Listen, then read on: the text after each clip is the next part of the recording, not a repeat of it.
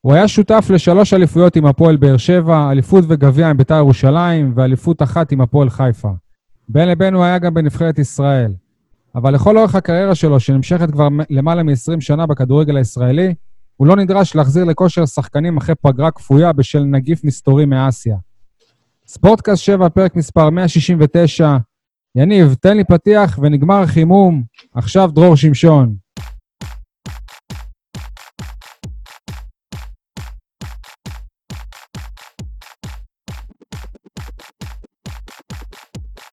יניב מאתר ועיתון 7, יניב סול כמובן, מה שלומך? וואלה, יותר טוב מהפועל באר שבע. עד שחוזרים לליגה ורואים את בית"ר, יש מצב שזה יהיה בלי ניב זרין. כן, אה, יניב, אה, לטובת האורח שלנו שהוא מתחום הכושר, בוא תספר לנו כמה קילוגרמים אתה ירדת מאז שהתחילה פגרת הקורונה. בזמן ששחקני הפועל נדרשים לקצץ במשכורת, אני מנסה לקצץ במשקל. אני לא עושה שום דבר מיוחד, אבל תשעה קילוגרם כבר. יפה, כל הכבוד סול. עד סוף העונה אנחנו רוצים לפחות איזה 12-13. אייל חטב, אתה מוכן למעבר מהיציע הדרומי לעודד מפינת הסלון? מוכן גם מוכן, יחד עם הפיצוחים והמשקאות הקלים. שלום לכל הבאר שבעים ואנשי הנגב, שלום גם לפרץ, חזות, סולוב, בוכניק, ביטון, אלימלך, חלילוביץ', חפר, רוסו, בסיס ואולצמן. זה ההרכב הפותח של הפועל באר שבע בגמר הגביע 1999 נגד מכבי תל אביב. לא 99, אייל. 97, סליחה, 26 במאי, תאריך בלתי נשכח בתולדות המועדון. Uh, עשית לי צמרמורת עכשיו, כן, אז אנחנו היום ביום uh, שלישי בערב, uh, ובדיוק היום, הערב לפני 20 ו... כמה? שלוש. 23 שנים, הפועל באר שבע זכתה בגביע הראשון והיחיד, ואנחנו מקווים שמהר מאוד זה לא יהיה היחיד. אז אהלן, uh, דרור שמשון, מאמן הכושר של הפועל באר שבע, מה שלומך? אהלן, ערב טוב, מה שלומכם אתם? ברוך השם, אנחנו שמחים לארח אותך. איך עברה לך כל התקופה הזאת? בהתחלה פגרה של לגמרי לא עושים כלום, אחרי זה באמת בפול טיים ג'וב אתם חוזרים? אני אתחיל קודם כל עם פיקנטי, בסדר? אחד, בביתר ירושלים היו שתי אליפויות ושני גביעים שהייתי שותף להם. אז אני לא, אל תיקחו לי את כן, כן, תואר, תואר זה תואר. ושתיים, ואני תמיד רוצה עוד, ואני רוצה עוד ועוד, אז אני מקווה שזה יקרה. ושתיים, וזה באמת אה, בול בזמן, כי כרגע אייל דיבר על הגביע הבלתי נשכח, זאת עונה שכמעט הייתי בהפועל באר שבע. הייתי מאוד מחובר לאלי גוטמן, וגוטמן רצה שאני אבוא איתו, וירדתי לדרום וכבר הכרתי את השחקנים ומשהו שם מתפקשש, ובסוף לא האמנתי בהפועל באר שבע, הייתי שנייה מלהיות בהפועל באר שבע. אני אגיד לך מה התפקשש. גם אתה פעם ראשונה שומע את זה, שי. אני אגיד לך מה התפקשש, דרור. העיתונות המקומית בבאר שבע אז הייתה חזקה.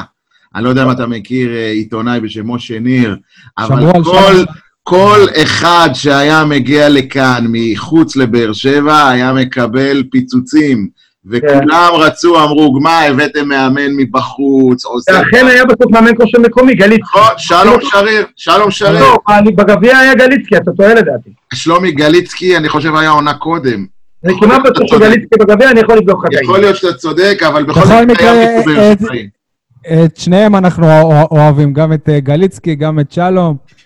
אנשים שקראו רבות להפועל באר שבע. אנשים יקרים מאוד, שניהם וקולגות.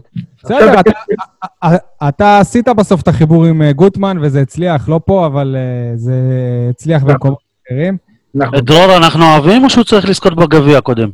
אוהבים, אוהבים. אוהבים, אז עם כל הכבוד, שלוש אליפויות, וחבל. אני יכול להגיד שהייתי, אתם יודעים, כבר כמעט בכל הקבוצות בכדורגל הישראלי, וחיבור כזה, באמת מתנה שקיבלתי. מקום מיוחד, משפחתי, חם, תומך, הצלחות מסחררות במשך כמה שנים, עכשיו קצת פחות טוב, וגם כן מתמודדים ככה עם הראש מורם. בסך הכל אני שמח מאוד מאוד שהגעתי לפה. מבחינת רצף, אתה עומד לשבור שיא, או שברת כבר שיא באותה קבוצה? שברתי שיא. כן, וואלה. יפה, יפה. אני שנה חמישית ברציפות בהפועל באר שבע, אני הייתי חמש שנות בהפועל חיפה, חמש שנות בביתר ירושלים, חמש שנות בבני יהודה, אבל אף פעם לא ברצף. אה, יפה. עכשיו זה חמש עונות בבאר שבע ברצף? ברצף. ואני לא אשאל יותר מדי, אבל אתה חתום גם לעונה הבאה? אני לא חתום, אבל לא מן הנמנע, אתם תראו אותי פה עוד שנה ועוד שנתיים, ואז בכלל אני אשבור שיא, כן. יפה. אז את יונגר עוד לא פגשת. אה, לא, אבל שוחחנו במהלך, אתה יודע, ההתנהלות אה, של הקורונה, כמו כולם, וקיצצנו גם אנחנו כמו כולם, ואנחנו שמחים לעשות את חלקנו כדי שהעסק ימשיך להתקיים עם הראש אה, למעלה, כמו שאמרנו. וזהו, מסתכלים הלאה, שבת טדי. דרור, אבל תספר באמת על, ה... על מה שעבר עליך אישית ועל האתגר שנתקלתם בו, כי אה, לא נראה לי שאי פעם קרה לך כזה דבר שב... שלקראת השליש האחרון של העונה, עוצרים את הליגה, מפסיקים לגמרי את הפעילות, נכנסים לפגרה של כמה, כמה זמן לא התאמנתם ברצף? לפחות חודש. אה, יותר מחודש וחצי. יפה, ואז פתאום לחזור. לליגה, זה די, די מטורף למי ש... לאנשי אנשי מקצוע. אתה יודע, לנו, כאילו, לאלה שבחוץ, זה נראה כאילו, נו, אז מה, זה כמו פגרה. אז תקשיב, אני, אני קודם כל דייקת את זה לגמרי, שייקה. אני 28 שנה מאמן בליגת העל. Uh, בקורסים שאני מעביר, אני אומר לכולם, חבר'ה, אני כבר ראיתי הכל. אז הנה, את זה עוד לא ראיתי. Uh, אני עוד לא ראיתי דבר כזה שבאמת באמצע רצף, זה לא אמצע רצף, זה לקראת הסוף, שמבחינה פיזית, אתה אמור להיות בתוך איזושהי ריצה טובה מאוד, עם רוב השחקנים בשייפ, וליהנות מהפירות של כל העבודה של השנה, פתאום הכל נעצר, שולחים אותם הביתה. אה, אני לא אלאה אתכם בפרטי פרטים, אבל נותנים להם תוכניות, אני וידידי אה, והשותף שלי מיכאל ברוש, מדי יום בקשר איתם על העבודה שלהם, סבולת, כוח, מה מותר לעשות, מה אסור לעשות, כי היו הרבה מאוד מגבלות, אבל באמת הם עבדו לבד עד כמה שאפשר היה, ואחרי כל זה להחזיר אותם למגרש, ופתאום לחכות לאיזשהו לוח זמנים יש ליגה, אין ליגה, משהו שבאמת לא, לא צפיתי כמו כולנו ש, שיקרה דבר כזה בחלומות שלי אפילו. זה התפתח לאט לאט והתחלנו להבין שוואלה, עוצרים את הליגה, שזה משהו כמעט חסר תקדים. ולחזור עכשיו, אה, יש שיח מאוד מאוד מאוד, אה, אה, אתה יודע, הרבה מאוד אנשי מקצוע מוטרדים, איך אנחנו מחזירים אותם, איך אנחנו יוצרים שליטה, איך אנחנו שוב שולטים בסרגל מאמצים ולא מסכנים אף אחד מהם. ואני מאנשי המקצוע שאומרים, נכון, נפל עלינו משהו שנכפה עלינו, ולא הכל בידיים שלנו, ואנחנו נעשה את הכי טוב שלנו כדי לא לקחת ריסקים, כדי להביא את החבר'ה מוכנים לליגה, וכדי לנצח כמה שיותר משחקים, בטח ובטח להגיע מוכנים לגביע. זה לא משהו בלתי אפשרי. חסר תקדים, אבל לא בלתי אפשרי. קיבלתם עזרה גם עם, ה... עם כמות החילופים. מתבקש מאוד, גם כמות הסגל וגם כמות החילופים. יאמר לזכותו של יוסי אבוקסיס, שברגע הראשון שדובר על חזרה לליגה, והבנו את המטריה המסובכת מבחינה פיזית, הוא ישר אמר לי, דרור, חייבים יהיו להוסיף חילוף. ותדעו לכם שזה מאוד מאוד מאוד משמעותי, כי אנחנו עומדים לקראת חודש שהכותרת שלו תהיה איך לא לוקחים סיכונים, איך עושים רוטציות נכונות. אז הנה עוד חילוף לרוטציה. תגיד, אם לוקחים בחשבון שבחודש הזה גם מזג האוויר הרבה יותר חם, זה, זה הופך את כל העסק עלי הרבה יותר מסוכן, לא? א', אה, זה הופך את הסיפור הרבה יותר מורכב. ואנחנו נצטרך למצוא פתרונות עם שעות יותר אה, נוחות לאימונים וכיוצא בזה, אבל במאמר מוסגר, חברים, אתה יוצא לתקופה של שני משחקים בשבוע. הנה אני אומר לכם בגלוי, אין הרבה מה לעשות בין המשחקים מבחינת העמסה פיזית. יש הרבה הרבה לאושש אותם, לעשות מניעת פציעות, לטפל ביחד עם הצוות הרפואי בכל מיני אינסידנטים שיהיו, אה, לעבוד קצת אקסות עם אלה שאין להם דקות משחק, אלה שישחקו גם, ש... גם שבת, גם רביעי, גם שני, גם לא יוכלו להתאמן קשה בכל מקרה, וזה לא משנה באיזה שעה ובאיזה מזג אוויר. דרור, בשורה התחתונה, הפועל באר שבע מגיעה מוכנה מבחינה פיזית לאתגר הזה? מוכנה פיזית עד כמה שאפשר, מוכנה פיזית עד כמה שהדברים תלויים בנו. אנחנו יושבים כל הצוות מדי יום, יוסי, מליקסון, ברדה, מיכאל ברוש, אני, האנליסט, הצוות הרפואי, מתכננים כל ספרינט, מתכננים כל שעת אימון או דקת משחק של שחקן כזה או אחר. ובמסגרת המגבלה הבאמת חסרת תקדים שנוצרה, אנחנו נגיע מוכנים עד כמה שאפשר. אני לא מאלה שאוהבים תירוצים או להכין את ה... יהיה בסדר, אני, אני באמת סומך עליכם. אני מזכיר לך אנחנו... שהעונה הזאת התחילה במשחק חוץ בטדי נגד ביתר, כמו עכשיו, במחזור אה, ראשון, ב... mm-hmm. אבל ההבדל הוא שאז באנו אחרי רצף של משחקים באירופה, שככה הכינו אותנו טוב. לליגה. עכשיו, אין את הליגה, אין את האירופה הזה, זה כאילו... אה, אין אפילו כאילו גביע... לא, היה, לא היה טרום עונה משמעותי, כאילו היו משחקי אימון, אבל אתה יודע... בוא, בוא, אחד, אנחנו מבינים, אה, שי, אייל, כולם נמצאים באותו מצב. זה לא שאני יכול עכשיו לבוא ולהגיד שלביתר יש יתרון עליי מבחינה הזאת. עכשיו, ההברקה של אותם אנשים במנהלת, או אנשים בהפועל באר שבע, שהחזירו אותנו באותה תקופה שהיו מגבלות, אתם זוכרים בהתחלה? שאסור משחקונים ואסור מגע, וחילקנו לקבוצות ועשינו אימונים בשני מגרשים, הייתה הברקה, כי אנחנו הספקנו שם 12 יחידות אימון, זה הרבה. הכל סבולת כוח, סבולת כוח. תקופת הכנה קצרה. ומיד אחרי ה-12 יחידות אימון פתחו לנו את השערים מבחינת שחקו כדורגל רגיל, התחלנו להלביש משחקי אימון, עשינו את הטוב ביותר שיכולנו, אנחנו עומדים בערך על 30 יחידות אימון, אה, זה לא שונה בהרבה אייל מתקופת הכנה שלנו לפני אירופה. אז זה נתון מעודד. דרור, אנחנו ראינו כולנו ב- באינסטגרם בתקופה של הסגר המו- המוחלט, שהשחקנים עובדים אה, לבד, חלק עם ציוד שהבאתם להם. יש כאלה שהופתעת לט- לטובה מהחזרה שלהם? אני לא אשאל אותך אם הופתעת לרעה, אני לא אסבך אותך, אבל משחקנים שבאמת אמרת, בואנה, זה באמת עבד, או שהכושר הטבעי שלו הוא, הוא כנראה שונה משל אחרים?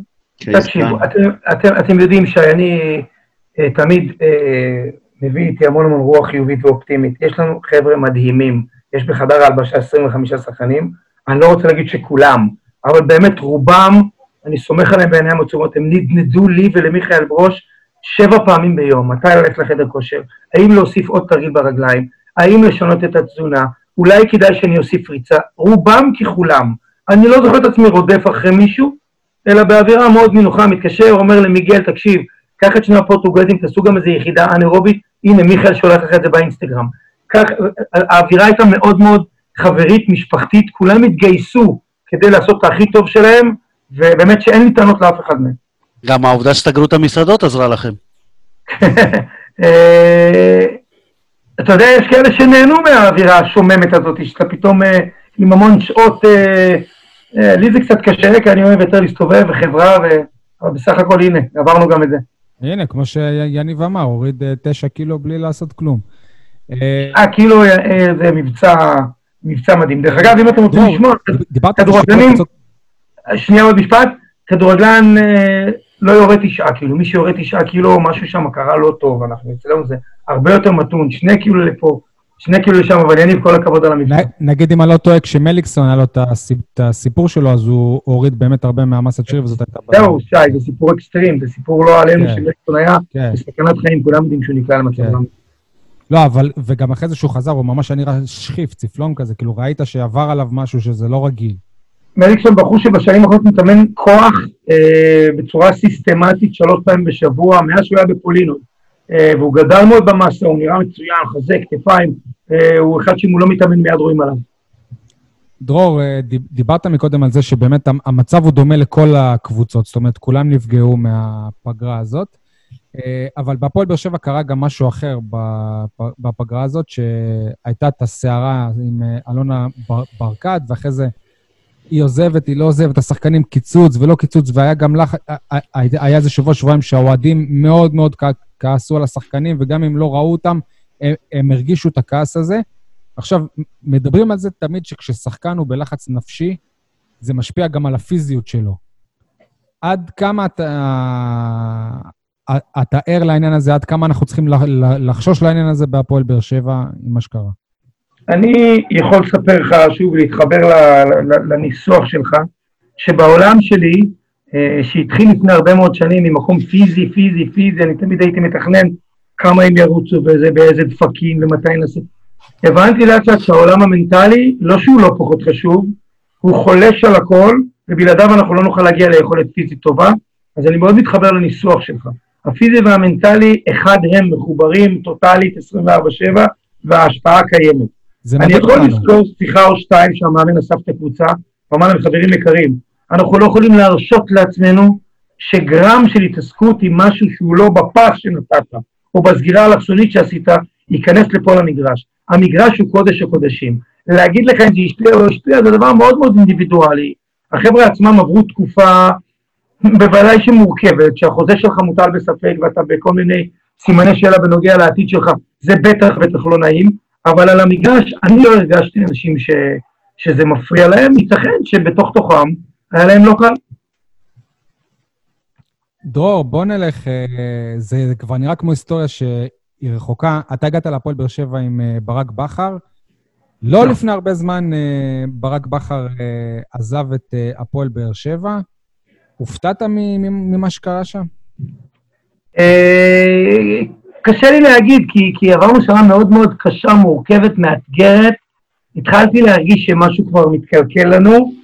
גם בקיץ שעבר הרגשנו כולנו, הצוות, שאנחנו הולכים לקראת משימה. אתה יודע, אי אפשר, שי, כל פעם שיש משימה קשה, להרים ידיים ולהגיד אני לא רוצה. יש משימה קשה, אז עפים עליה. אני שמח שאני בהפועל באר שבע חמש שנים, ששלוש שנים היו נפלאות ושנתיים פחות. זה חלק מהחיים שלנו, עליות וירידות. ואם הופתעתי או לא הופתעתי, משהו התקלקל לנו, משהו כבר לא פעל שם מעבר לניצחון או הפסד. מבחינת כנראה האווירה. אה, ואתה יודע, זה לא דברים שאני שולט בהם. אני למדתי שמה שלא תלוי בי, אני מקבל באהבה. כמובן שלא שמחתי שברק הלך הביתה. אבל קיבלנו מאמן חדש. אנחנו עושים את הטוב ביותר כדי לעטוף את המאמן הזה ב- בידע מקצועי, בניסיון, בהמון המון תשוקה, כדי שיהיה לו קל במשימה שלו ושלנו, ועושים את הטוב ביותר שלנו במסגרת הנסיבות. אני לא יודע אם אתה יודע את זה, אבל כש... ממש איזה כמה ימים אחרי שאבוקסיס אה, מונה, היו, היו שמועות, זה רץ בקבוצות של וואטסאפ, שיש איזה חתול שחור עוד ממזמן בין אבוקסיס לדרור אה, שמשון. הרי עב, עבדתם, אם אני לא טועה, גם בהפועל תל אביב, גם בנבחרת. יש באמת איזה דבר כזה? היה משהו? הייתם צריכים לעשות איזה, איזה סולחה, נגיד, כשהוא בא לפה? תראה, קודם כל, אה, אחרי שיגמר השידור אני אשלח לך תמונה, יוסי אבוקסיס היה קפטן בית"ר ירושלים ואני מאמן שלו לפני 20 שנה, ב-2000. אז עוד 20 בבית"ר שנה, אפילו, שנת נכון. 2000, יוסי כן. קפטן בית"ר, אנחנו... כמה שנאתי את יוסי אבוקסיס אז, אה, אני כאוהד והוא כשחקן, כ... רק אל תוציא את השיר שלו שהם שרו לו ביציע, לא, לא, חלילה, חלילה, חלילה. אבל אה, אחלה יוסי, והוא היה שחקן שלי, והיינו כל השנים במערכת יחסים מאוד מאוד טובה. לאחר מכן בהפועל תל אביב זה בערך לפני עשר שנים, היינו ביחד גם בנבחרת. היה גוטמן מאמן נבחרת, יוסי עוזר שלו. היה איזושהי תקופה של כל מיני מתחים שהם כל כך ישנים ולא רלוונטיים, שברגע שיוסי הגיע לפני כמה חודשים, התחבקנו, ואנחנו עובדים ביחד, ואנחנו מדברים, ואנחנו עושים הכל אחד למען השני, ושנינו למען הקבוצה. מבחינתי לא היו דברים מעולם, יש גם לפעמים מתחים בחיים, לא מכל דבר אני עושה דרמות. אה, ברק בכר, כשהוא בא להפועל באר שבע, הוא אימן איזה שנתיים או שלוש בקריית שמונה, ונחשב למאמן אה, חסר ניסיון. ואתה בעצם היית הבן אדם הכי מנוסה בסגל הרחב הזה של המאמנים.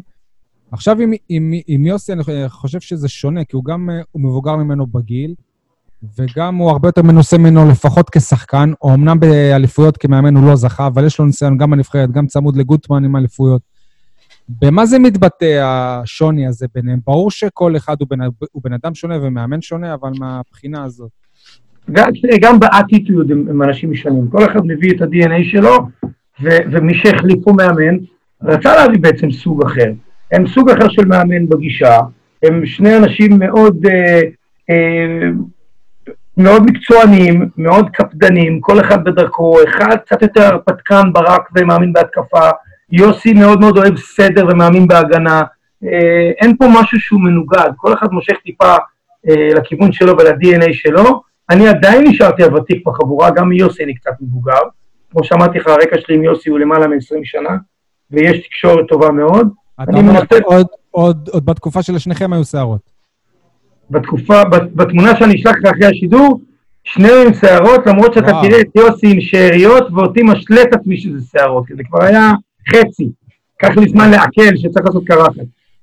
תגיד, אבל יש שיגידו שאחרי שיגמר ויישאר מה שיישאר מהקיצוץ, יוסי הוא מאמן מתאים יותר למה שיישאר, עם הניסיון שלו מבני יהודה.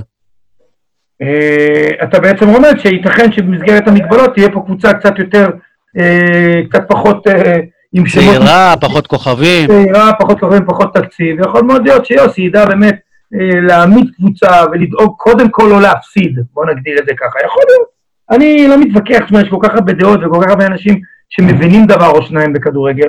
אני אומר שוב פעם, ברק מאמן מצוין, יש לו את הדרך שלו, יוסי מאמן מצוין, יש לו את הדרך שלו. כמאמן כושר גופני, כראש הצוות הפיזיולוגי, כל מה שנשאר לי זה להביא לו אינפורמציה, לנסות לחזק אותו עד כמה שניתן, לכוון מהמקום הפיזי, כי יש לנו איזשהו אינדקס, ובכל אימון אנחנו מנסים להסביר מתי כדאי שטחים גדולים, מתי כדאי שטחים קטנים, על מי כדאי להעמיס, ממי כדאי לרדת, ובזה אנחנו משתפים אה, את יוסי, ויוסי משתף פעולה נהדר, בדיוק כמו ברק, ו... וככה אנחנו מתנהלים. דרור, כראש הצוות הפיסיולוגי, אני חייב לשאול אותך שאלה על שני שחקנים ספציפיים. Okay. אוקיי. Uh, הראשון הוא ניב זריאן, שכבר uh, נמצא בקבוצה תקופה מסוימת, אבל נראה שאין, שאין לו כושר ל-90 דקות. ברק פעם אמר שזה נכון חלקית, שאתם עובדים, שאתם בונים אותו. שאלה כמה זמן, כמה זמן זה עוד יימשך הבנייה הזאת. לא, תשמע, עכשיו אנחנו לא נוכל אה, בזמן הקצר הזה להיכנס לפרטי פרטים, אני רק יכול לתאר לך את הסיטואציה ככה באופן כללי. ניב זריאן הוא סוג של טל בן חיים החלוץ, אתם מכירים את טל בן חיים החלוץ בצ'כיה עכשיו, כן. אוקיי? יכולות מאוד מאוד דומות, אה, יוצא מהכלל עם הכדור, כוח מתפרץ אדיר, אלוהים נגע בו, אה, בעיטה יוצאת מהכלל, כשהוא משתחרר מהם על השער הוא יכול לנצח כל משחק, והוא עשה את זה כמה כן, פעמים. אבל התפוקות שלהם מאוד מאוד שונות. מבחינת מספרים. כן. אה, כן, לניב יש עוד קפיצת מדרגה לעשות כדי להיות טל בן חיים מבחינת המספרים. עכשיו, אה, מה שבעצם יניב אומר, בסדר דרור, אבל זה לא מספיק. אני, אני חושב ש, ששחקנים אנרובים, טיפוסים אנרובים כמו ניב זריאן וטל בן חיים, שהם ספרינטרים מדהימים והם פחות טובים מבחינת סבולת, צריכים לשחק ולשחק ולשחק ולשחק, ולאט לאט הם מתרוממים, וזה מה שקרה לטל בן חיים דרך אגב. עם ניב היו כל מיני אינסידנטים, ופה איזה היעדרות, ושם איזה פציעה, ובסופו של דבר לא הצלחנו להרים אותו למצב של הרבה דקות משחק, ואני מסכים שעם ניב אפשר להגיד שעוד לא מימשנו את מלוא הפוטנציאל, אני האחרון להרים ידיים ולהתייאש, בטח ובטח עם שחקן עם פוטנציאל כל כך גדול. אוקיי, okay, והשחקן השני זה נייג'ל אסלבנק, עושה דו, הרבה מאמנים דיברו על בעיית המשקל שלו ועל, ועל הכושר שהוא חוזר מפגרות. זה מה שקרה שגרם לו לעזוב? בוא, גם פה נכניס פרופורציות. אימנתי בקריירה שלי לא מעט שחקנים, אם אני לא רוצה להגזים בכוונה, אבל עם 16 ו-18 אחוז שומן, שהיו כוכבי על וניצחו כל משחק במו רגליהם. אבוקסיס, אני חושב, הוא לא היה נחשב שחקן אה, רזה במיוחד. הוא לא היה אתלט גדול, אבל הוא גם לא היה שמן, הוא ידע לשמור על עצמו, הוא היה מקצוען. אבל הוא לא היה אתלט גדול, בזה אתה צודק, שי. אה, עם נייג'ל, אה, נייג'ל הוא סוג של טוטו תמוז, תראו כמה אני נותן לך איזושהי השוואה. נייג'ל הוא טוטו. כשטוטו היה אצלי שלוש שנים בבית"ר ירושלים והיה נותן גולים, אז היו אומרים לי איזה יופי הוא רזה. וכשטוטו היה מחמיץ, היו אומרים לי שהוא נורא נורא שמן. אני לא אומר את זה בשביל עכשיו להגן על נייג'ל, אני אומר דבר כזה, נייג'ל טיפוס גוף, שאם הוא לא שומר על עצמו, מאה ממאה, והוא כל הזמן רזה, אז הוא בבעיה, הוא יכול להיות פחות נייד ופחות חד ופחות להשפיע. עדיין אם תזכרו ועם יד על הלב, נייג'ל היה תמיד שותף לפעולות משמעותיות בחלק הקדמי. הכל היה עובר דרכו, הוא היה מסכן את השער הרבה, הוא היה שחקן משמעותי בקבוצה. אם בגלל זה הוא הלך או לא, אני לא חושב שבגלל זה הוא הלך, יניב. אני חושב שפה... כאילו, אני אומר, יכול להיות שבאר שבע קצת פספסה אותו? אמ, תשמע, הוא הצליח מאוד מאוד יפה בקריית שמונה, אבל הקונספט של קריית שמונה ושל באר שבע זה שמיים וארץ. באר שבע היא קבוצה שולטת, יוזמת, שתוקפת עם המון שחקנים, והוא היה צריך להיות פה, אה, להשתלב בצורה שונה, גם הוא וגם דיה בזמנו. ואז דיה הלך ונאג'י נשאר לבד, קרו פה המון המון דברים חבר'ה, אבל זה לא לגמרי שייך לעניין הפיזיולוגי, אולי העניין הפיזיולוגי הוא עוד אחוז מסוים. לא, אני... אוקיי, כן, אייל. שאלה לגבי שחקן ספציפי, אבל לא... אה, כאילו, בהשוואה, כי אנחנו כל הזמן מסתכלים על אלטון, גם עכשיו במשחקי האימון, הוא לא בליגה שלנו. עזוב, כשהוא מחליט לקחת כדור, הוא טוני וואקמה. אז אני רוצה בדיוק, אם אתה יכול לתת לנו קצת פרטים, ממה שאתה רואה, מה, מהנתונים הפיזיולוגיים של אלטון לעומת טוני, עד כמה הם קרובים או דומים ביכולות שלהם? יש משהו, ש... קודם כל אל תשכחו שמהרגע שטוני הלך, אנחנו כולנו פה חולמים בלילה על טוני, ואז שמתקרב לפה מישהו שקצת מזכיר אותו, אז אנחנו ישר נורא נורא רוצים. אני מפחד, דרור, שכל שחקן להשוות אותו לטוני זה לעשות לו עוול, זה כאילו לפתח לו יותר מדי ציפיות והשוואות לא אנושיות. אני גם חושב כמו שי שזה נורא נורא מוקדם לעשות השוואה כזאת מרחיקת לכת, כי טוני אחד הזרים הטובים שנחתו פה, ותסתכלו מה הוא עושה עכשיו פה מעבר לים בטורקיה, הוא מפרק שם ליגה במו רגליו. אלטון עושה סימנים מדהימים, יוסי מהשנייה הראשונה שהוא ראה אותו, ראה שיש פה משהו אחר, וכשאני אומר משהו אחר, אני מתכוון למישהו שיכול בעקבות התיאור שלך, שי, או שאייל כרגע אמר, אה, לשנות משחק בגלל הצעד הראשון, בגלל היכולת לעבור שחקן כמעט תמיד לפעמים אנחנו פוגשים באימונים במצ'אפים בינו לבין שחקנים מהיותר מהירים שלנו, והוא שותה אותם. אז כן, אלטון הוא פוטנציאל אדיר, לעשות אחד על אחד, להיכנס לרחבה, לבשל גול, לעשות גול. הלוואי, הלוואי, הלוואי שנעשה פה שיחה בעוד חודשיים, ואלטון במו רגליו ניצח לנו גם שלושה ארבע משחקים בפלייאוף, וגם חצי גמר וגמר גביע, הלוואי. אבל דווקא בקטע הפיזיולוגי, שדיברתי עם שחקנים, וזה לדעתי אי אפשר להשוות בינם, אמרו לי שטוני וואקמה זה השחקן הכי חזק שדרך פה בארץ. מדהים, מדהים. הוא, אני לא ראיתי דבר כזה, שחקן שלוקח על הכתפיים, שני שחקנים ורץ איתם. אה, אלטון עושה סימנים מאוד מאוד טובים, אבל בואו ניזהר עם ההשוואה מטוני, ניתן לאלטון צ'אנס להוכיח את עצמו, אני בטוח שיש לו המון המון מה לתרום. דרור, אני רוצה גם, גם לשאול שאלה בנוגע לשחקן, ולדעתי בזה נסיים את הפרק הספציפית לגבי השחקנים שבסגל היום של הפועל באר שבע. אחד כמו שיר צדק, שנה הוא לא משחק, אה, אחרי זה חוזר ולא נראה טוב, ופתאום שוב הוא לא משחק, ופתאום משחק. עזוב, זה סיפור ענק מה שקורה איתו בסופו של דבר, שהוא גם האריך עכשיו את החוזה. אבל מבחינה פיזיולוגית, באמת יש שוני בין השחקן שהוא היום לשחקן שהוא, שהוא היה. אני לא יודע, יכול להיות שהנתונים אולי קצת שונים, אני לא יודע, או, ש, או שפשוט, כי הוא לא, הוא לא משחק מספיק, אז הוא עדיין לא יכול לחזור להיות השחקן שהוא היה. בוא נגיד שזאת השאלה שאני הכי שמח ששאלת עד עכשיו, שייקה. תקשיב, מה שהילד הזה עבר בשנתיים, אולי קצת יותר האחרונות, זה נושא לפודקאסט נפרד. אוקיי? נכון. Okay? אמ, ספורטאי אדיר עם לב מפה עד אפריקה, שבאמת חוויה, חוויה טראומטית, כי רק אני ומיכאל ברוש יודעים באיזה מגרשים הלכנו לאמן אותו, שאסור היה לו להתאמן במתחם ורצינו לשמור איתו על כושר, ואיזה מניפולציות עשינו כדי להביא אותו לחדר כושר, ומה הילד הזה אכל מרורים והתאמן כמו שור. עכשיו אני יכול להגיד לך עוד דבר. בתחילת השנה הזאת הוא עבר טראומה נוספת, כי בסופו של דבר רצו לשחרר אותו. וכשרצו לשחרר אותו הוא התאמן בנפרד. וגם במסגרת ההיא, בהתחלה, אם אתם זוכרים, היה מנודים, אני מעולם לא מתערב בדברים כאלה, הם פשוט אומרים לי, תשמע, יש קבוצה נוספת, תבוא לאמן, אני בא לאמן. לא מתעסק עם, אה, עם מסגרות, זה, זה לא התפקיד שלי. אה, גם שם, תמיד הייתי אומר למיכאל, מיכאל, בוא תסתכל, הוא פשוט מתאמן על 150 אחוז תמיד. וזה היתרון של שיר צדק. הילד הזה לא יורד למגרש, מתאמן 80 אחוז, תמיד 150 אחוז. זאת המתנה ששיר קיבל, הוא כל כולו באטרף של לעשות השלמות ולהיות בזון. אני מאוד מרגיש אותו בזון, שי. אם אתה משווה לשנים עברו, לדעתי, היינו קבוצה כל כך חזקה, שי, שגם מיגל וגם שיר, ואף אחד מהם הוא לא הכי אתלט בקבוצה, היו עומדים על החצי, היריב בכלל לא היה צריך להרים את הראש ולהגיע אלינו. היו מדי פעם מרחיקים ושיר היה הולך להביא את הכדור ושוב היינו תוקפים עשרה שחקנים. זה נורא קשה להשוות לקבוצה כרגע שהיא כן מדי פעם נחשפת להתקפות מעבר, והיא כן מדי פעם נחשפת ליתרון מספרי של היריב. ואולי זה חושף פה ושם חולשות של שחקנים, אבל שיר נפלא גם כבן אדם, גם כשחקן, טוב שהאריכו לו את החוזה, הוא הכי מתאים מכולם להיות המנהיג של הישראלים, ויש לי רק דברים טובים להגיד על הילד הזה. אוקיי, okay, אחרי שדיברת על, על שחקנים, אני רוצה להקריא לך ציטוט של שחקן עליך. ציטוט: הקבוצה בשנים שלפני אליפויות לא הייתה טובה מבחינה פיזית וכושר. עד שדרור שמשון הגיע לא היה לנו כושר. היינו נופלים מהרגליים בדקות האחרונות ומפסידים נקודות חשובות מאוד. כשדרור בא, הכל השתנה. זה ציטוט שקראתי לפני פחות מש... משבוע. אתה מכיר את הציטוט הזה? קראת אותו? אובידיו אובן.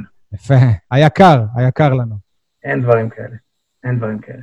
אה, כשאתה קורא את זה, אני, ברור שאני לא מצפה שתדבר על התקופה שלפני, אתה לא היית פה, אתה לא יודע, אבל כשאתה קורא את זה משחק, משחקן כמו וידאו, שבאמת זה גם, גם אישיות, דמות, שחקן אה, נבחרת רומניה, מה זה עושה לך? קודם כל, כמו שדיברתי על שיר, על אורבן צריך גם לעשות תוכנית נפרדת, כמו שאתה יודע, שי, זה באמת... אה, מתנה שקיבלנו לאמן את הבחור הזה, אישיות. מתנה של, של, שלצערי, אגב, אה, החזרנו אותה מהר מדי. נכון, נכון. אני באמת לא הייתי אף פעם מעולם שותף לשיקולים והחלטות כאלה ואחרות, אבל זה בסדר גמור, נהנינו ממנו שנתיים. אני נהניתי ממנו שנתיים, אתם שלוש, נכון? הוא היה שנה לפני כן, ברק. כן, כן, כן. אה, וזה קודם כל מחמיא ומרגש במיוחד שזה בא מעובדיה, ועכשיו לעצם האמירה.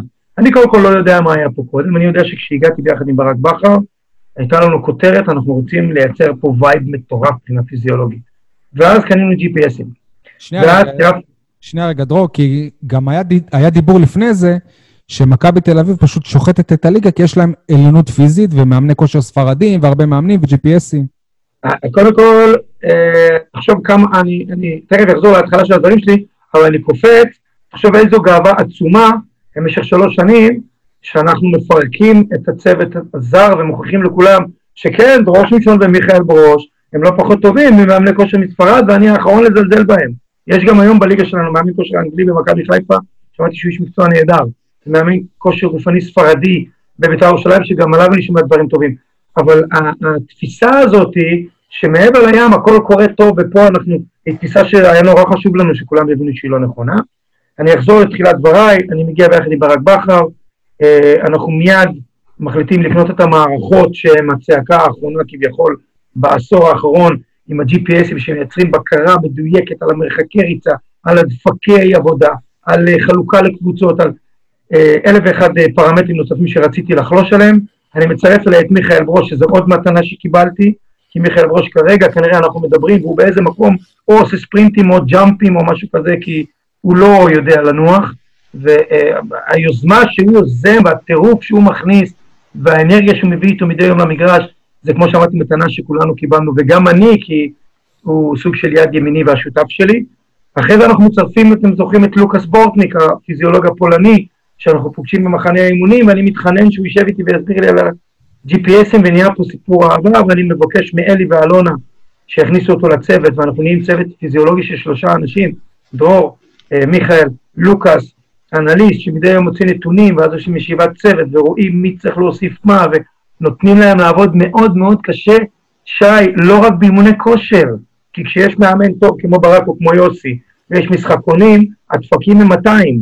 כשיש דרישות נכונות בתרגום מול השער, הדפקים מאוד מאוד גבוהים, מחשבים כל סט וכל מערכה וכל מרחק, לא רק הצוות הפיזיולוגי, אבל הצוות הפיזיולוגי מאוד מנסה להשפיע על שאר אנשי הצוות ולעבוד בסיסטם שמאוד מאוד הצליח לנו. והנה בשנתיים האחרונות זה מצליח פחות. זה לא אומר שאנחנו לא בכושר, זה אומר שאנחנו לא מספיק טובים בהרבה מאוד uh, פרמטרים. כי גם לוקאס לא נמצא כבר, אולי זה קשור. לוקאס בלגיה ורשה. כן, אולי, כי הצוות שלכם הצטמצם. מיכאל ברוט, אה, לא באמת, אנחנו מכירים אותו, הוא יכול לעשות 80 משרות בבן אדם אחד. ואתה גם מכירים את יכולותיך, רואים את זה מכל מקום, אי אפשר לפספס אותך בזמן משחק, כולל בזמן משחק. Okay. אוקיי. השאלה אם לא חסרה לכם אולי הדמות או המקצועיות של עוד איש, עוד גורם כמו לוקאס. שוב, ביוזמה של מיכאל, הוא דאג שאורי, יש לנו את אורי אבולעפיה, שזה בחורצ'יק שהגיע אלינו אחרי שהוא תוך כדי לימודי אה, חינוך גופני ומדעי המחשב, הצטרף ללוקאס כדי לסייע לו בשנה השלישית והרביעית. ולמד מאוד מאוד יפה את התורה של להוציא את הנתונים ולייצר לנו גרפים ולתת לנו משוב יומיומי אחרי משחק ואחרי אימון. וכשלוקאס הלך, אנחנו מאוד מאוד הצטערנו וביקשנו מההנהלה שלפחות השאירו את אורי, ואורי היום הוא הצלע השלישית במשולש הזה של הצוות הפיזיולוגי, שגם עושה עבודה מצוינת וקדחתנית 24/7. אם לוקאס חסר או לא חסר, ברור שהוא חסר, כי הוא איש מקצוע אדיר, הוא מביא איתו ניסיון, הוא מביא איתו אישיות, הוא מביא איתו מקצוענות ודיוק, לי הוא מאוד מאוד חסר, למיכאל הוא מאוד מאוד חסר, אבל אנחנו מאוד מאוד שמחים גם עם אורי. דרור, אנחנו כבאר שבעים, אנחנו תמיד רוצים כאילו שיהיו עוד באר שבעים במערכת כשחקנים, כאנשי מקצוע, ואתה יודע, מבחינתנו מיכאל זה כאילו מישהו שעלה מהנוער לפני חמש שנים, כי הוא באמת היה ב... הוא באמת היה... הוא, הוא, הוא, הוא באמת הרי התחיל במחלקת הנוער ועלה לבוגרים כשאתם הגעתם. מיכאל, ממה שאתה רואה עכשיו מהיכולות שלו, הוא יכול היום להיות מאמן כושר ראשי של קבוצה ב- בליגת העל? מיכאל מפלצת, מאמן כושר, אחד הטובים שראיתי, לא רק שיכול להיות מאמן כושר בליגת העל, יכול להיות אחד ממאמני הכושר הטובים ביותר בליגת העל. אני רוצה רק לספר לכם אה, משהו על מיכאל, הוא למד אה, שכבה מעליי בבית ספר היסודי אוריאן בשכונה A, ותמיד הוא היה ב, כאילו בחור של טניס, הוא לא היה קשור לכדורגל בכלל, ואפילו כשהיינו משחקים, הוא היה, הוא היה כאילו מאלה ש, ש, שלא ממש יודעים לבעוט וזה, ואני רואה אותו היום, שהוא משחק עם השחקנים, הוא שם פקקים, בואנה, הוא נהיה, כן. הוא במקום שלו טניסאי, שי. כן, כן, כן, הוא היה, הוא היה בטניס. אני מכיר אותו בטניס, כאילו. התחלתי לספר לאייל שכשחתמתי בהפועל באר שבע והחלטנו שאני רוצה מישהו שיסייע לי, זה התפרסם באחד האתרים, והתקשרו אליי עשרות מאמני כושר גופני, גם טובים ובכירים וותיקים, אני רוצה לבוא להיות איתך. ובמקביל קיבלתי טלפון, נדמה לי משמעון ביטון וסתיו אלימלך, שאמרו לי, תגיד, אתה משוגע, מה אתה מחפש בשדות זרים? יש לנו פה מאמן כושר מצוין במחלקת הנוער. אמרתי לו, תגיד לו שיתקשר אליי. התקשר מיכאל, דיבר איתי שיחה נורא נורא מבוישת, שלא יכולתי לדמיין שדקה אחרי יבוא אליי המשוגע הזה, ובאמת מתנה שקיבלתי וכל המערכת קיבלה, ומה שהוא עושה למען המערכת, למען השחקנים, וכמה לב ונשמה שהוא מביא פה, זה שווה נקודות שי. דרור, עד כמה המעבר למבנה של הבית האדום לפני שנה, אם אני לא טועה, פלוס מינוס, וקיבלתם שם חדר כושר, באמת, אני חושב, ברמה הכי גבוהה. זה גם מיכאל. יוזמה שלו, כל הקישור וכל ה... אה, עם, אה, עם אותה חברה שסיפקה לנו ציוד, עם עמוס, אה, באמת, מבצע מספיק של מיכאל. עד כמה זה, זה, זה, זה חשוב היה למועדון, עד כמה זה משפיע מבחינה פיזית? כי וואלה, באליפות הראשונה אתם זכיתם, אליפות, בעצם כל האליפות, כשהמתקן שלכם בעצם זה וסרמיל, שכאילו לבוא לשם להתאמן בחדר כושר, קצת מבאס נראה לי. לגמרי. אז את האמירה הזאת, שי, שמרנו במהלך השנתיים האחרונות לא מעט, התאמנו עם קירות מתקלפים ומים קרים במקלחת ותקתקנו אליפויות ועשינו מבצעים מדהימים באירופה. ואז עברנו למתקן שהוא מאוד מאוד ראוי, אבל בואו חבר'ה תקשיבו, בואו נהיה אנחנו אנשי מקצוע וננסה לנטרל רגשות.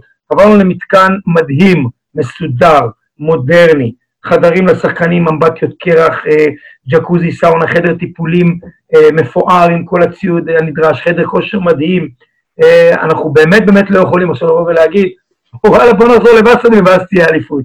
זה לא העניין, אנחנו כנראה במתקן הזה, יש לנו קבוצה פחות טובה, אנחנו פחות מצליחים להתקרב לאליפות, ובואו נקווה שבמתקן הזה נעשה אליפויות בעתיד. דרור, אנחנו זוכרים ש... כאילו, ב... שבאמת הייתה את הדומיננטיות הפיזית שלכם בכדורגל הישראלי, אבל אז היה... הייתם מגיעים למשחקים באירופה, ואנחנו רגילים שקבוצות ישראליות באירופה נחותות פיזית. ואז בא הפועל באר שבע מול קבוצות כמו אינטר, כמו סאוט אמפטון, ולא נראה שיש איזה הבדלים אה, גדולים. עד כמה באמת, כאילו, אוסף השחקנים האלה, הם, הם, הם היו בעלי יכולות פיזיות יוצאות דופן לכדורגל הישראלי, ממה שאתה מכיר? אני אחלק את התשובה שלי לשתיים, ברשותך. התשובה שלי היא כזאת. אחד, במשחקים הגדולים שלנו, שיחקו חמישה או שישה זרים. אז בואו נהיה הוגנים, לא כולם ישראלים, היה טוני וג'ון ומיגל ומישי קורות ולוסיו ואובן, זאת אומרת ששמע, נפלת פה על חמישה-שישה בנקרים. אז מבחינת יכולות פיזיות כל אלה הביאו את שלהם, אה, והיינו קבוצה מאוד מאוד מאוזנת, מאוד מאוד מוצלחת, אז יש פה גם זרים וגם ישראלים. אה, ודרך אגב, כל הקבוצות הישראליות שעשו מבצעים גדולים באירופה, אם תסתכל בזמנו על הפועל תל אביב, אם תסתכל בזמנו על מכבי חיפה, תמיד היו חמישה-שישה או לפעמים ארבעה זרים שעשו הבדל. אה, נחזור לענייני הפיזיולוגיה, אני אספר לכם קוריוז. במשחק שרצנו הכי הרבה מבחינת total distance, מרחק כללי, בחמש השנים שלי בהפועל באר שבע, הפסדנו בעכו 1-0 בשנה הראשונה. רצנו 109 קילומטר, זה כמעט 11 קילומטר לשחקן, זה וואו גם בסטנדרטים אירופאיים, והפסדנו להפועל עכו 1-0 בחוץ, אם אתם זוכרים את המשחק הזה. זוכרים, זוכרים. עכשיו תשאלו למה, כי כנראה רצנו כמו טמבלים, עלינו וירדנו והשתוללנו ואיבדנו, ולא תמיד צריך לרוץ הרבה. אני רוצה להוסיף לקוריוז הזה, שבאותה שנה, במיוחד שנה אחרי שהייתה שנת השיא שלנו, במשחקים בטרנר שפירקנו קבוצות, מחצנו יריבות, רצנו 95, 96 קבוצתי. למה אני מספר את כל זה?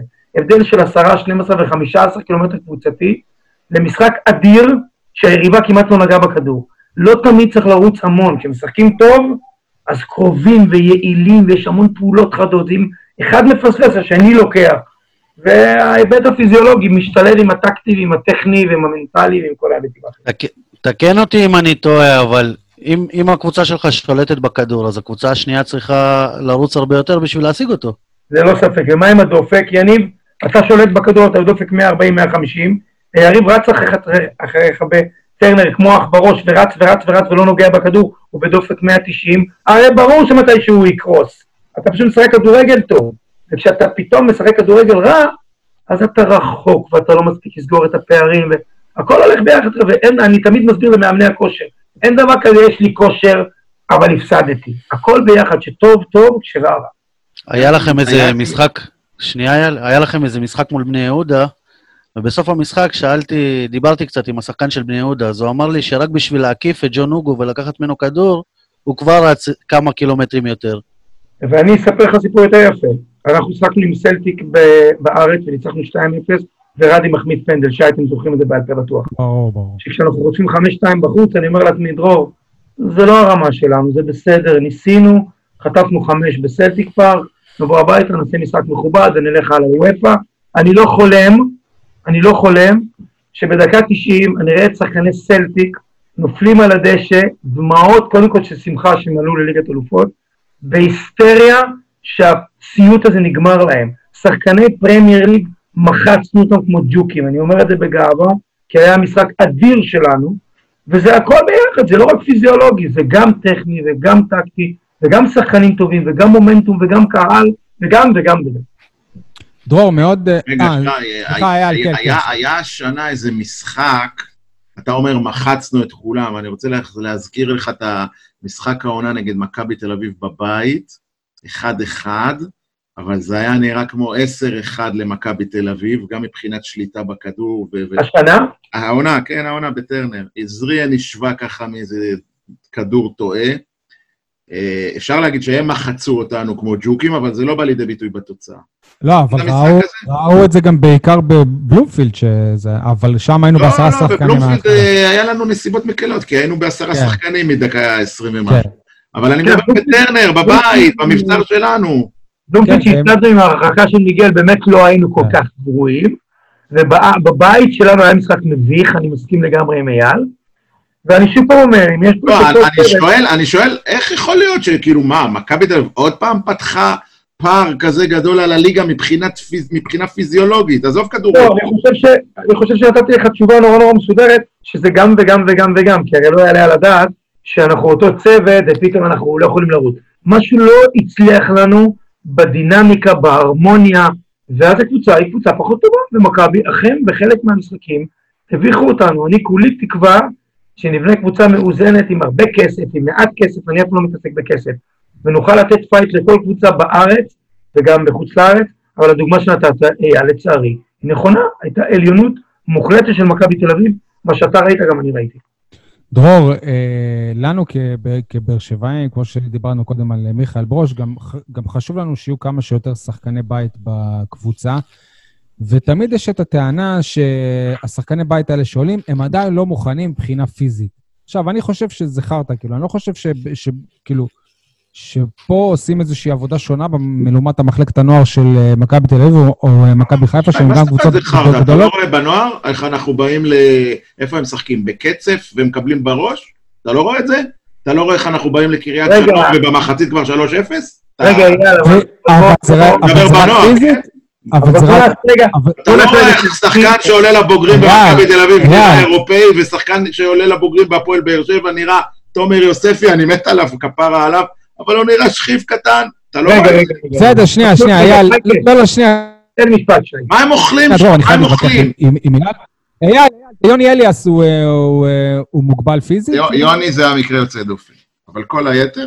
אבל רגע, שייקה, כן, דרור. לא, תומר יוספי, תומר יוספי רוצח, מה קרה לכם? תומר יוספי עילוי מבחינה פיזיולוגית.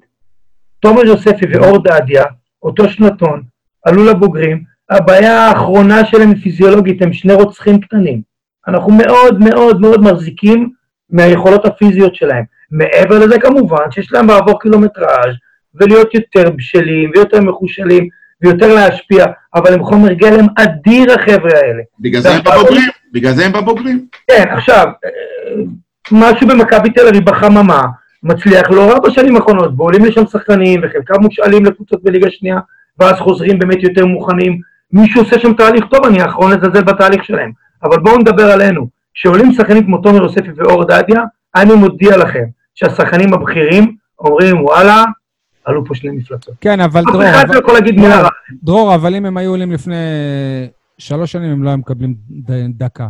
זה עכשיו כי המועדון הוא קצת בתקופה פחות טובה, אז, אה, אז קצת נותנים להם, אתה יודע, ככה, כדי להראות לנו טוב, אז לפחות יש טיפה שחקני בית. אבל ראה ערך דן ביטון. היה לנו שחקן כמו דן ביטון, שהוא מבחינתנו כוכב כדורגל, ובעונה הראשונה הוא אה, שיחק, הוא גם פתח במשחק ההוא בע- בעכו, שדיברת עליו.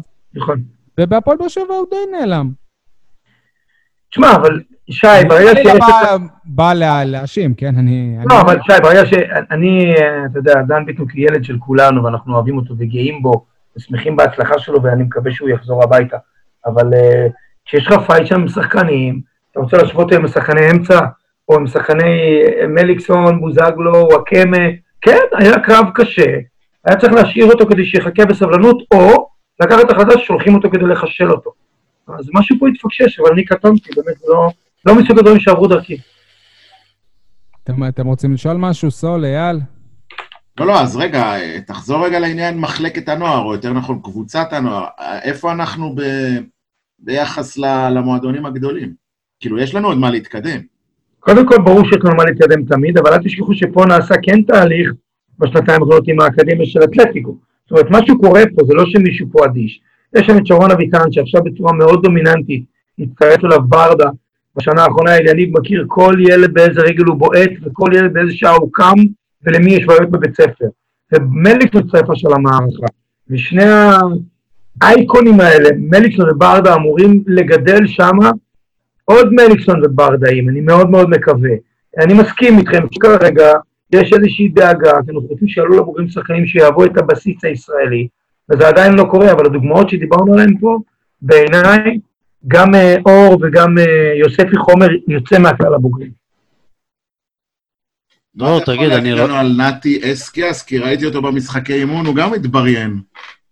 אה, התבריין, ואחד שיודע מה לעשות עם הכדור ואוהב להשפיע, אחלה ילד, אחלה ילד. אבל אתה יודע, זה כל החבר'ה האלה צריכים זמן, קודם כל זמן. להתחשל, כי לבוא להתאמן פה בקבוצה הבוגרת עם שחקנים כמו מיגל ביטור ובן ביטון ואלוהי טאה, זה הרבה יותר קשה מאשר לשחק עם שחקנים בשנתון שלו, וזה הזמן שלו באמת אה, לקחת את הצ'אנס הזה ולהתבגר. דרור, דיברת על אה, משקיע שאוהב להשפיע, אני רוצה לדבר דווקא עליך. לי מהצד נרא- נראה במשחקים עצמם שאתה משפיע מעבר למאמן כושר. שאתה קם לתת עצות לפעמים על חילופים, על... אה, אתה מדבר שינוי, עם אה, השחקנים גם, אני יודע, כמי ששנים אה, צילם והיה על הקווים, אתה מאוד פעיל גם בדיבור עם שחקנים. אה, כן, אבל אתם יודעים, אני חושב שאני נורא נורא גאה תמיד להגיד שמה שגרם לי להצליח, אני מרגיש שהצלחתי בקריירה שלי, זה להיות רק מאמן כושר גופני. אני אף פעם לא דוחף את עצמי לעניינים טקטיים או לזה, אבל אני בהחלט יכול לבוא להגיד למאמן, אני הייתי מחכה עם החילוף, כי יש פה שחקן שאני מרגיש שהוא לא יהיה בשיאו בעוד כמה דקות, בואו נחכה לראות מה מתפתח. והמאמנים בהחלט מקשיבים לי, אני עושה את התהליך מאוד בעדינות, מקפיד שזה יהיה על ההיבט הפיזי ולא לדבר על טקטיקות, כי זה לא העולם שלי. אני לא עושה וידאו, ואני לא מנתח מצבים, ולא הגנה ולא התקפה, אבל אתם יודעים, חבר'ה, אני 28 שנה על מגרשי הכדורגל כמעט כל יום 24-7. איך הגעת לזה, דרור? הרי כאילו, עשית תואר בחינוך גופני, נכון? בווינגייט. הייתי בבית ספר תלמיד שאבא שלי סיפר עליי שהיו לי שתי תשיעיות בתעודה, תשע בהתעמלות ותשע שליליים. אחרי שהיו לי תשע אה, אה, בחינוך גופני ותשע שליליים, החלטתי שאני הולך ללמוד בווינגייט. באתי לווינגייט ביום הראשון בווינגייט, אמרתי לכולם חברים, אני באתי לפה ללמוד, לא כי אני רוצה להיות מורה לחינוך גופני, אלא כי אני הולך להיות מאמן כושר גופני של נבחרת ישראל בכדורגל. זה מה שאני רוצה לעשות.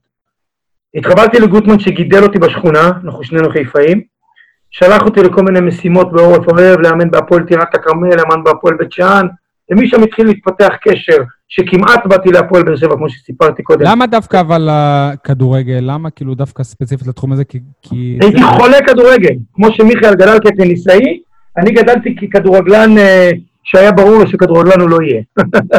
למה, אתה לא שיחקת באיזה מחלקת נוער? התחלתי קצת במכבי חיפה, אז הלכתי לביתר חיפה ונווה יוסף, אם אתם מכירים, אבל היה ברור לי שכוכב גדול לא יהיה. נווה יוסף הביאו לנו לעולם את ברק בכר ודודו גורש, מה זה, ברור שאנחנו מכירים. נכון, נכון, אז אני גם נווה יוסף. אבל uh, תמיד ידעתי שאני בינוני, וידעתי שאני לא אגיע לליגת העל. והאהבה המטורפת הזאת לכדורגל ביחד עם כושר גופני הביאה אותי לווינגייט לדעת שזה מה שאני רוצה לעשות. החיבור עם גוטמן עשה לי אה, עולם ומלואו, כי גוטמן חיבר אותי לכל מיני מקומות, ואחרי זה לקח אותי איתו להפועל חיפה. הפועל חיפה אנחנו באמת שותפים לאליפות בשנת 98-9, אם אתם זוכרים, ג'ובאני רוסו, ועם אה, נג'ואן ורן בן שמעון ולירון בסיס, קבוצה שגם היא חלקם יוצאי באר שבע, שכעסתם שגנבו לכם אותם. פירקו לנו את הקבוצה, והפועל חיפה עשתה מזה אליפות. נכון, נכון. ומשם אצה הדרך, אני הולך עם גוטמן לבית"ר ירושלים, אנחנו הולכים להפועל פתח תקווה, ואני מתקדם אחרי זה לבד לבני יהודה, ואנחנו שוב חוברים בנבחרת ישראל. אה, שנה אחת פחות טובה בהפועל תל אביב, שלי זיכרון פחות טוב. קריירה מאוד מאוד מגוונת, אה, אני מאוד מאוד גאה בה. המון עליות וגם קצת ירידות. אה, ובסופו של דבר הגעתי בהחלטה עם ברק שאני בא לבאר שבע, והייתה החלטה מדהימה, כי אני חווה פה חוויה אדירה, גם עכשיו כשפחות טוב. דרור, אה, הרי שוב, אנחנו רואים שהפועל באר שבע הולכת להיות קבוצה מכווצת יותר מבחינת תקציבית. אז א' כל יכול להיות שיגידו שאין צורך בשני מאמני כושר. מצד שני, אנחנו גם יודעים שמאמן כושר, כאילו, כמו שאמרת על גוטמן, אז אני מניח שיש לך חיבור ממש טוב עם ברק בכר. ברק בכר פנוי בשוק, אולי נבחרת. אולי אה, מכבי חיפה, למרות שזה נראה כרגע פחות ריאלי. איך אתה רואה את העתיד שלך לעונה הבאה? השנים והניסיון לימדו אותי לפעמים פשוט להיות סבלני ולהמתין. ולמה אני מתכוון? המערכת הזאת, הפועל באר שבע, ואני לא אומר את זה סתם כדי להישמע, היא מערכת מדהימה. יש פה כל כך הרבה אנשים טובים שמקיפים אותנו, שדואגים לנו. זה מתחיל מאז, את אלונה, אה, לצערנו, אנחנו עכשיו אה, רואים פחות, וגם עם אלונה היה קשר מאוד מאוד מיוחד לכל אחד מאנשי הצוות. אה, אבל עכשיו בהיעדרה, אסי הוא בשבילנו כמו בן משפחה. ויושבים שם עידו שעוזר לו. ויושבים שם עכשיו כל מיני אנשים נוספים שנכנסים למערכה, שאת חלקם אני אפילו עדיין לא מכיר. אבל אני קודם כל ממתין לראות מה מתפתח, מתוך כוונה ותקווה להישאר בהפועל באר שבע. אם דברים יתפתחו בצורה שונה, אה, אני לא זוכר שהייתי באיזה מקום שלא רצו אותי, בכל מקום שהייתי, רצו אותי עוד. אבל אה, לא משנה איך זה יתפתח, הכל נקבל באהבה. אני אחכה להתפתחויות. עד כמה זכייה בגביע תהיה משמעותית גם, גם לך, גם להפועל באר שבע בעונה כזאת? אתה יודע מה אמרת עכשיו, שי? אתה יודע מה אמרת עכשיו? בעונה כזאת, עם כל התהפוכות האלה, עם כל כך הרבה אכזבות, עם החלפת מאמן, עם קורונה, עם... עם, עם, עם בעלים שרוצה לעזוב. לגמור אותה עם תואר כמו גביע המדינה, אני, אין לי מילים אפילו לתאר לך מה זה יעשה לנו, זה יהיה ברמות של, אה, אני לא רוצה להגיד כמו האליפות הראשונה, אבל זה משהו שיכול להעיף פה את כולנו ל, ל, ל, למחוזות אחרים באנרגיה ובשמחה ובא, ובהתלהבות. אה, קשה לי להגיד שאנחנו כאלה פבוריטים גדולים, כי בינתיים כרגע אנחנו לא מפגינים יכולת מדהימה, אבל אולי עדיף לבוא לא פבוריטים, עם קבוצה צנועה, לוחמת, חרוצה, אה, שעפו על המגרש ועושה את הכל כדי לנצח את בני יהודה. אני מדבר על בני יהודה כי זה עוד רחוק, אבל באמת כל משחק, החל מביתר וכלה במשחקי הגביע, ושנרווה מהם נחת. שמע, אין שום סיבה שאנחנו לא ננצח את כולם, אין שום סיבה. סבבה, אייל, סול, יש לכם uh, משהו להוסיף? אני מעניין אותי, הכדורגלן הישראלי, אתה בעונות האליפות דיברנו על זה שהבאת את הכדורגלן הישראלי לשיא מבחינת הליגה, אבל אז שאתה מגיע לנבחרת, אתה רואה באמת עד כמה אנחנו קטנים לעומת האירופאים, מבחינה פיזיולוגית. אז בואו נעשה סדר. גם זה נושא להרצאה נפרדת, אבל אני אנסה בדקה וחצי, אוקיי? בוא'נה, נתת לנו כבר שלושה נושאים לפרקי ספיישל. מה, נכון? אתה יודע כמה יש לי לספר? שיר צדק, חובן והכדורגלן הישראלי. שי, תרשום את זה. כן. יניב העלה עכשיו, הרים לי להנחתה על נושא שהוא נושא לפודקאסט של שעתיים. אני אתן לכם כותרת לדברים, בסדר? א', בנבחרת ישראל יש שחקנים נהדרים. יניב, תתקן אותי אם אני טועה. מזהבי ודרך ביברז, יש שחקנים מדהימים. שגם במקומות אה, מעבר לים מטביעים חותם. אוקיי? עכשיו, משהו לא מספיק טוב שם, ולפעמים אצלנו מתבלבלים, במיוחד אלה שמסקרים את הענף, חלקם זה אתם, כי כשפוגשים אוסטריה אומרים, אוסטריה יריבה נוחה. מי שאומר אוסטריה יריבה נוחה, הוא לא בדיוק בדק שחלק גדול מהשחקנים שמשחקים בבונדסליגה הרבה מאוד שנים, הם שחקנים בכירים יותר מהשחקנים שלנו. אז עוד פעם, מבחינת הקטע של ההשוואות ורמת הציפיות, כן, אבל כשאתה, כשאתה לא מצליח להתמודד אפילו עם uh, מקדוניה בקמפיין האחרון, זה... אז זה עצוב, אז זה עצוב. עכשיו תקשיב, א', רמת הציפיות לדעתי היא לא תמיד מותאמת, ב', הכדורגלן הישראלי הוא אמירה מאוד מאוד כללית. יש לנו כדורגלנים, חלקם מדהימים בגישה, ברצון, ביכולות, משהו פה סיסטמטי בכדורגל הישראלי, עדיין לא קורה. תלך מעבר לים, אני לא מדבר איתך עכשיו לא על איטליה ולא על גרמניה ולא על ספרד, כי אני לא רוצה להיות יומרני מדי. לך לנורבגיה ולפולין, תשאל את לוקאס, הוא נמצא עכשיו בלגיה ורשה. איזה מערכה, כמה מאות מיליונים מושקע שם בכל מתקן ובכל... אנחנו עדיין קצת מפגרים אחריהם, לא רק בעניין הכסף והמתקנים, אלא בעניין של תרבות, של הרגלי עבודה, של סבלנות, של תכנון לטווח ארוך. אנחנו עדיין לא שם, אני שומע שווילי עכשיו בנבחרות מתכנן להקים אקדמיה מאוד מאוד מאוד מיוחדת, סטייל, מה שעושים באירופה, ולגדל שם שחקנים מגיל 12, 14, 16, כי בחו"ל, כשמישהו בגיל 16-17 דורך בבוגרים של ריאל מדריד, אתם יודעים מה הוא? מכונת קרב מושלמת. הוא לא מאבד כדור, הוא עוצר את הכדור מושלם, הוא מעביר כדור מצד לצד מושלם, הוא מהיר, הוא חזק, הוא ממושמע טקטי, ואנחנו עדיין לא שם, אנחנו... זה מה שעשו בכדורסל. לפני עשר שנים, בכדורסל הישראלי, בגלל זה הנבחרות הצעירות שלנו... כן, אבל דרור, אם ניקח. לדוגמה שחקן שיש לך בקבוצה, למשל, קח את בן סער, שגדל עם מוריניו ודרוגבה ולא יודע מי... מה זה גדל? הוא בקבוצה? בחו"ל בגיל אה, 16, סול, אתה יודע, זה כבר גיל... לא משנה, גדל, הוא, התאמן שם, אז כאילו, ופתאום הוא לא מספיק טוב לנבחרת גם. קודם כל בנבחרת יש תחרות טובה, כי יש חלוצים אחרים טובים, כשזהבי נותן גול מכל מצב, ברור שהוא לפני כולם. וזה וחמד שהוא... תקשיב, בפרמ- בפרמייר ליג, הוא גם... תקשיבו חבר'ה, אנחנו כולנו אנשי הפועל באר שבע, בן סער במורגל הביא שלוש אליפויות.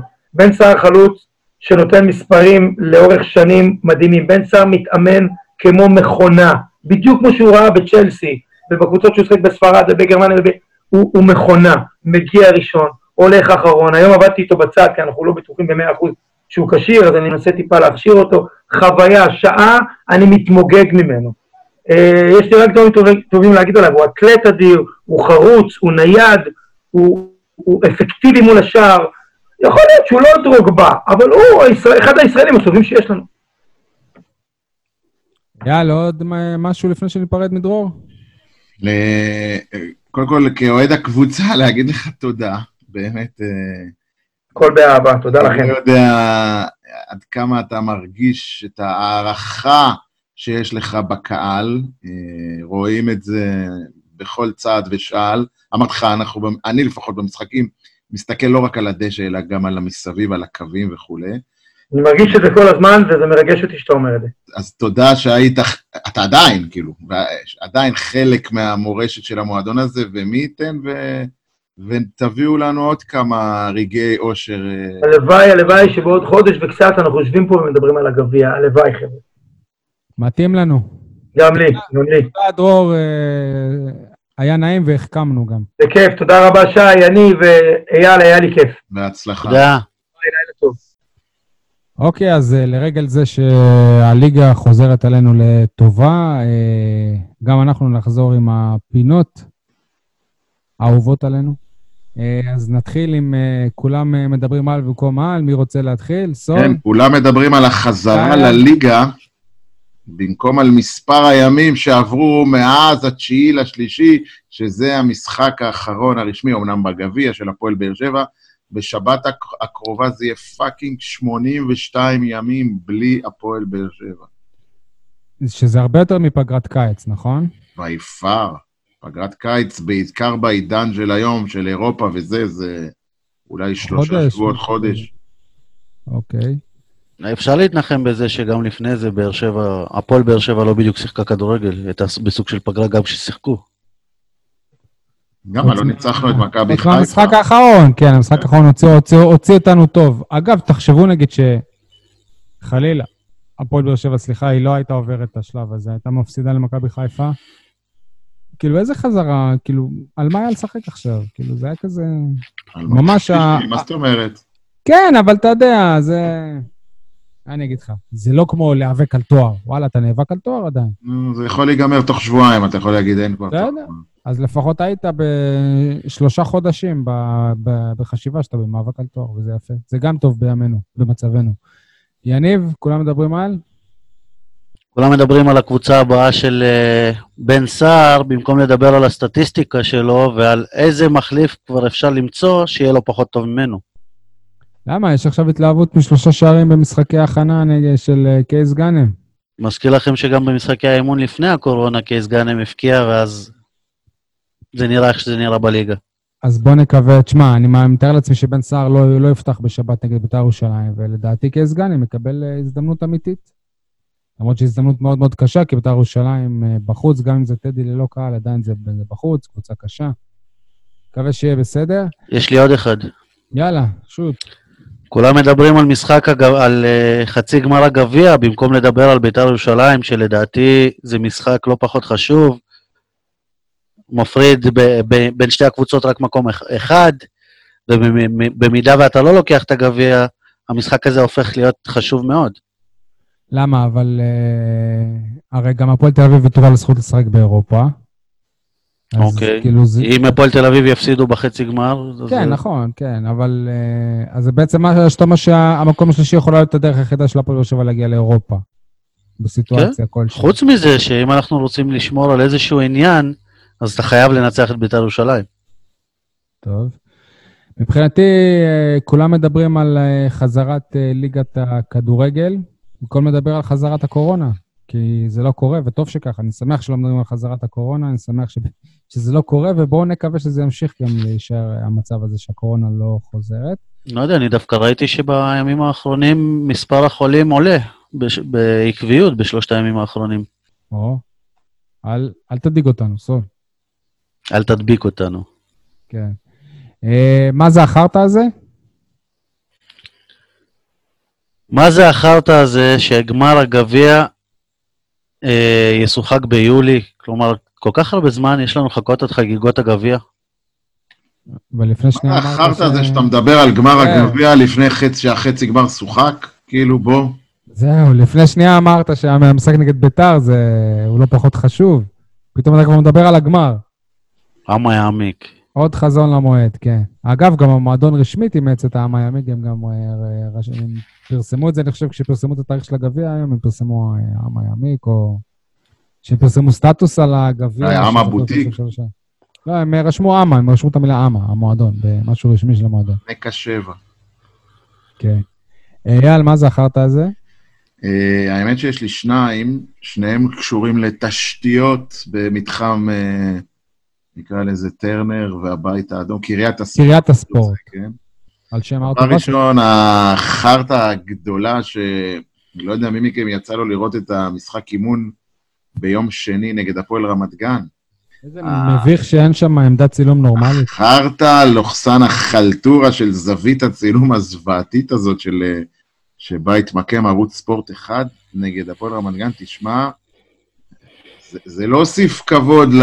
ל... לא, אבל זה לא באשמת אלוף הספורט. אה, אלוף הספורט, ערוץ הספורט. לא אמרתי שזה אשמת ערוץ, אה, לא, כן. לא ערוץ הספורט, בטח, כי זה שודר בספורט אחד. הרי אתה ראה- אתה ראה- אתה ראית אני ש... מדבר על התשתיות בבאר שבע, ש... שמע, אני, אני לא מהנדס. לפי מה שאני מבין במגרשים החדשים ששייכים לביתר באר שבע, יש עמדת שידור במגרשי האימון האלה. אולי היה מקום להעביר את המשחק הזה לשם, כאילו, נכון. בוא. אבל גם, אה, גם אם זה לא המגרשים החדשים, אני לא מבין, כאילו, המתחם הזה קיים כבר כמה? שבע, שמונה שנים? אם לא יותר? יש מצב שאפילו יותר, אני זוכר שהייתי בטק- בטקס חנוכת המגרשים עם דודי ליפשיץ וניסים סספורטס, זה היה איפשהו ב-2010 לדעתי.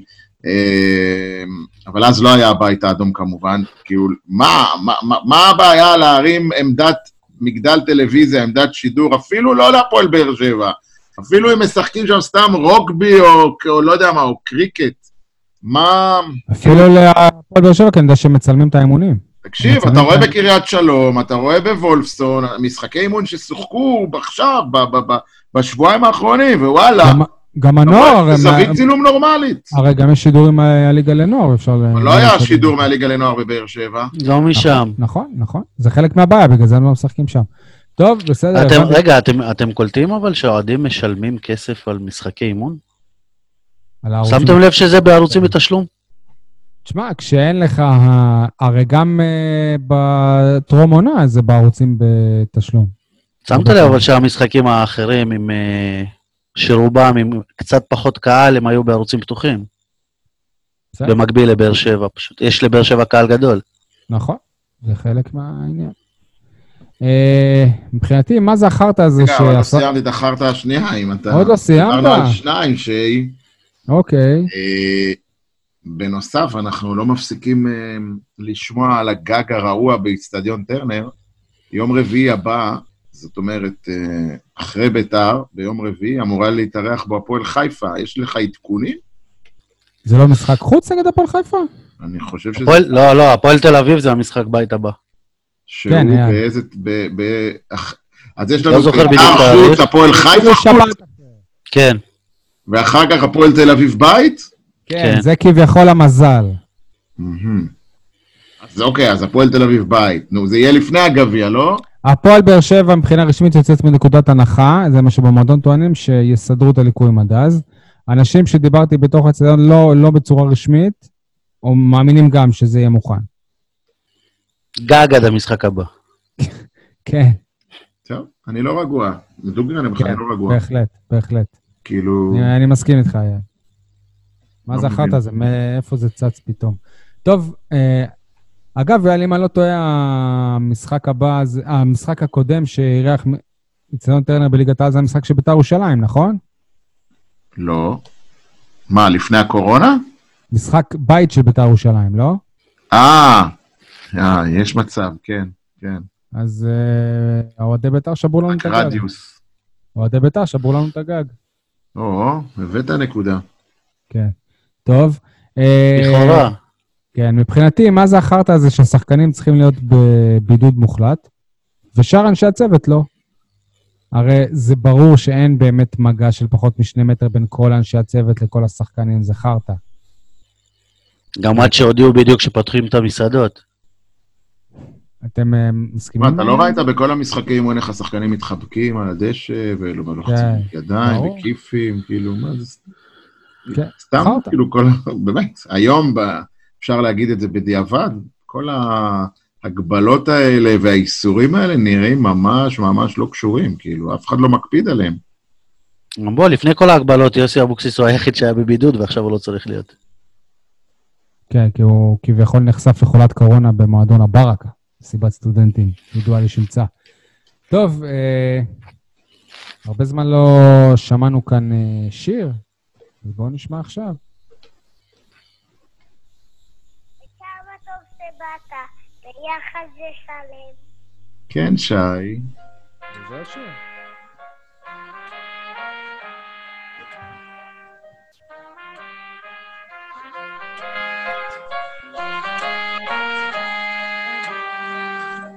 ילד של אבא, על מה אתה חולם?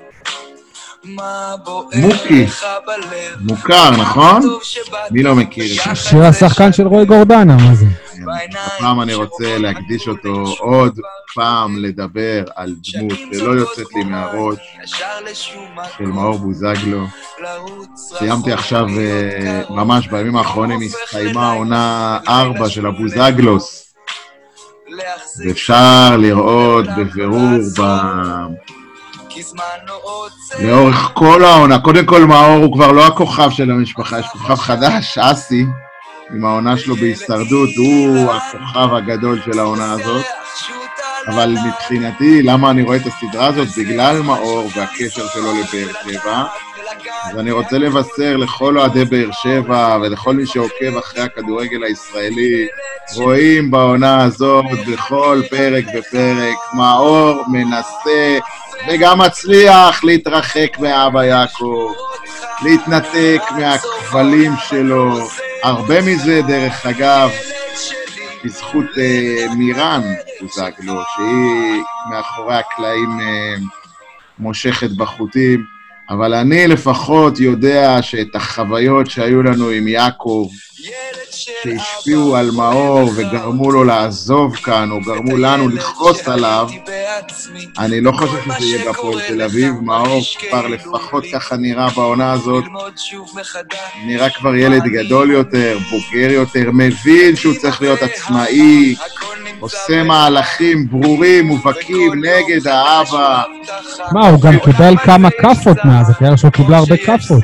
ועדיין הוא, לא בכל דבר משתף את האבא, ולא כל דבר מתייעץ עם אבא, ורואים גם בסדרה כמה שזה פוגע ביעקב בוזגלו. אה, כל ה...